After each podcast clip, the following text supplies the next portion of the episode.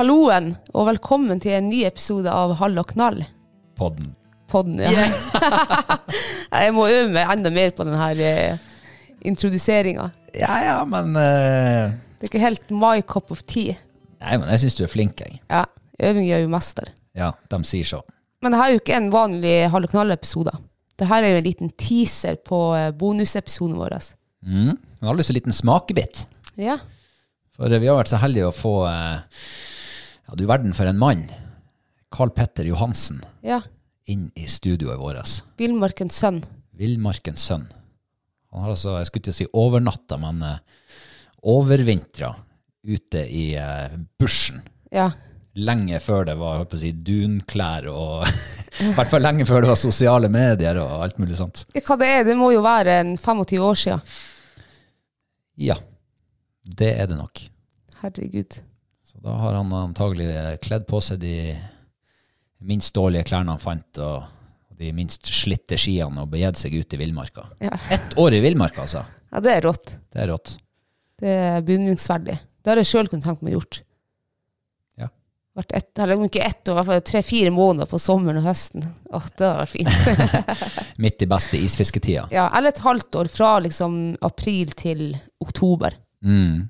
Det hadde vært fint. Begynne å øve oss der, Ja. før det blir en overvintring. Jeg vet ikke om det hadde fungert så godt i mørketid og iskaldt, og bare ja, har- sittet og hakka tenner i teltet. Det vet ikke om det hadde vært. Kan godt hende det har sin sjarm, det òg. Ja, det kan jo, men det er jo likt eh, dagslyst til å jakte eller fiske. Og det er det som er min liksom, motivasjon og drivkraft til å eventuelt ta noen måneder ute i telt. Mm. Men det er jo lite jakting på sommeren der når du skulle være ute. Da er det jo fiske. Ja, det er det. Ja, Mm.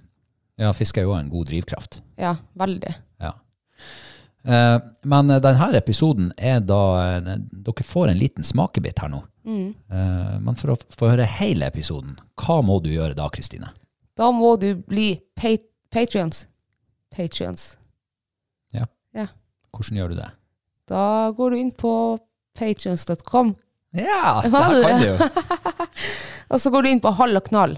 Mm. Der finner du, finner du ut. Der kan du bli.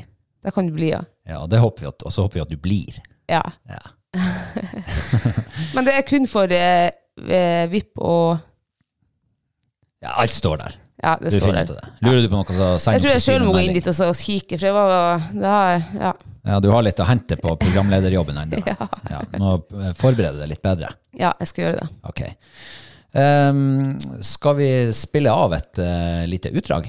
Ja.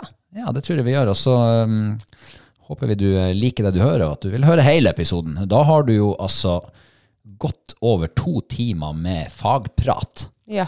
inspirasjon, skildringer. Eh, ja, der er mye. Så eh, jeg tror vi bare sier eh, god fornøyelse så lenge. ja. Det er faktisk en nesten usannsynlig laksefiskehistorie du skal få høre nå. Mm. Det var i Hemmeligelva i, eh, i Finnmark, og eh, kompisene hadde fiska seg nedover elva, og langt nedover elva. Og tenkte at ok, da blir det nok kø i de her eh, første hølene i hvert fall. Så jeg fiska meg litt oppover det. Og eh, hadde ikke tatt mange kastene, så hadde jeg en eh, som var, dro skikkelig i flua. Og jeg tenkte faen, det her var en bra fisk. Så jeg gikk opp igjen og, og eh, tok en ny runde, og pang, sa det. Og der smalt det til en bra laks. Og han spølte opp og ned den eh, hølen som han eh, sto i flere runder. Og eh, det var ganske mye vann i elva. Og den elva, hun, eh, litt på nedsida av den hølen, så deler hun seg i to, så du får to løp ut. da. Og plutselig så bestemte han seg for å gå ned, og dundra ned på motsatt side av eh, der jeg sto. da. Og jeg hadde ikke sjanse å holde han igjen, han bare freste nedover. Så blir det en sånn liten høl eh, midt i der, der elva har delt seg. Så fluesnøret mitt lå jo i steinene på der elva hadde delt seg, og jeg sto på land på motsatt side av eh, der laksen var. Det var feil løp han gikk ned. Feil løp, rett og slett, ja. Og jeg måtte jo over på, på, på den holmen som da var der, for å få løs fluesnøret som hadde surra seg rundt noen steiner der.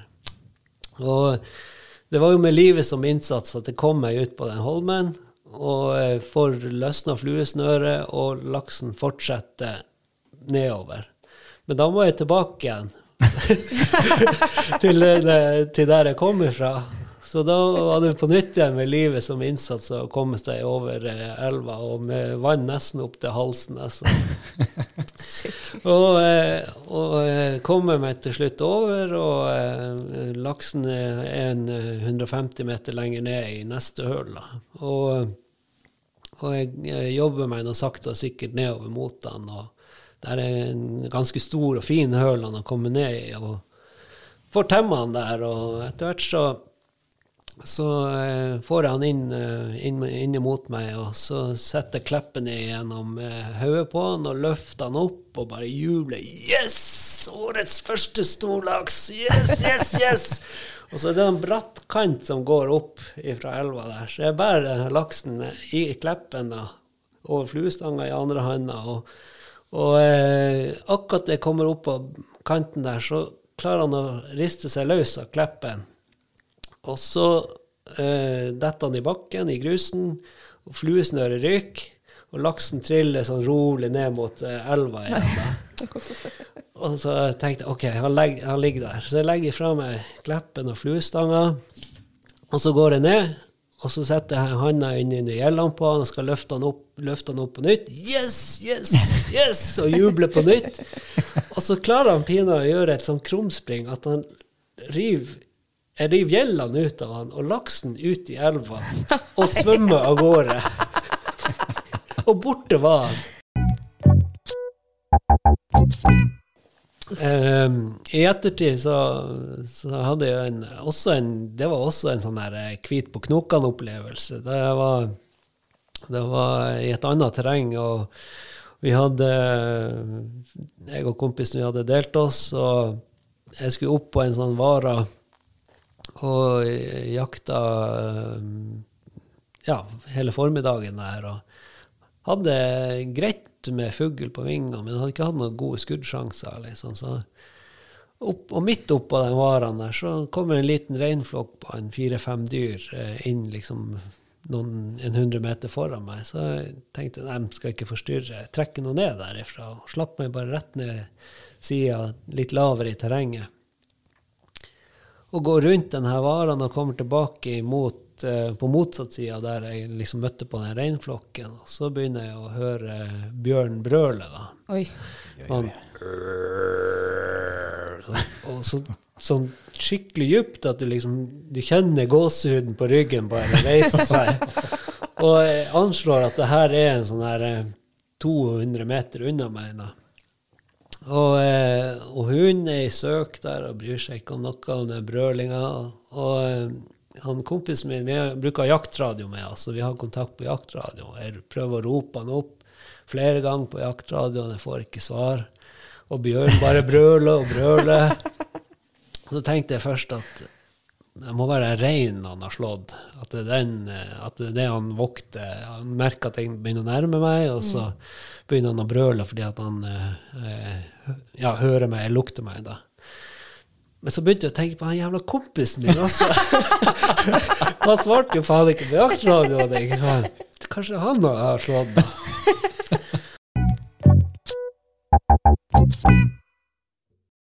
Det beste for alle raser når det gjelder fuglehunder, det er om, eh, om de hadde vært gratis.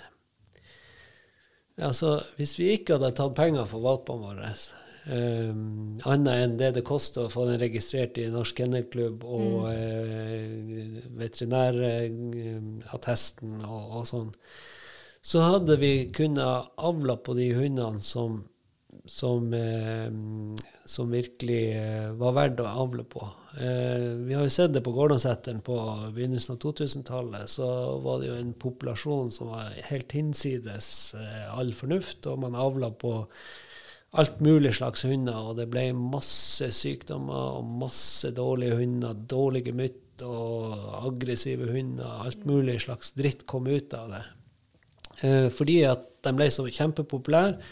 Du fikk solgt, Uansett hva du para, så fikk du solgt valpene dine til blodpris. Mm.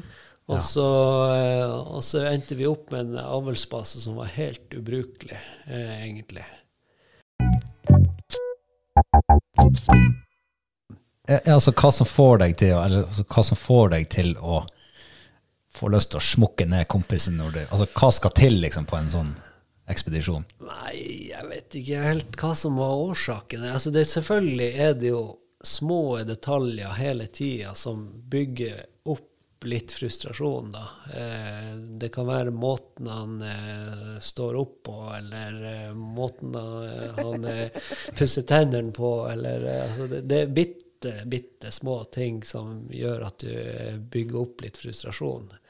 Uh, Sjøl om du kjenner han aldri så godt, så er det, er det jo noe. Du har jo ikke så veldig mange andre å diskutere med. Så, så det er vel mest det at det er små detaljer. og og til slutt så bare renner det over. Eh, så på den, der vi var nærmest med å slå hverandre ned, da var, var vi nok i, i Dividalen. Og vi hadde bestemt oss for at snurring skulle være provianten vår for uh, tre uker.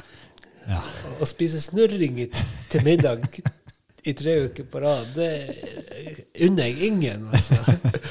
Og til slutt så blir du så lei snurring at du gidder ikke å steike den engang. Og når du da er sulten etter en hel dag på fjellet, og så kommer du hjem og så vet du ok, vi skal spise snurring til middag i dag også, så, og du åpner lokket på snurring, snurringboksen, og så tar du en skje, og så har du bare lyst til å brekke deg. Så da, da var det ganske nært at uh, han var tannløs, uh, kompisen. men, uh, men vi gikk og la oss istedenfor, da. Ja.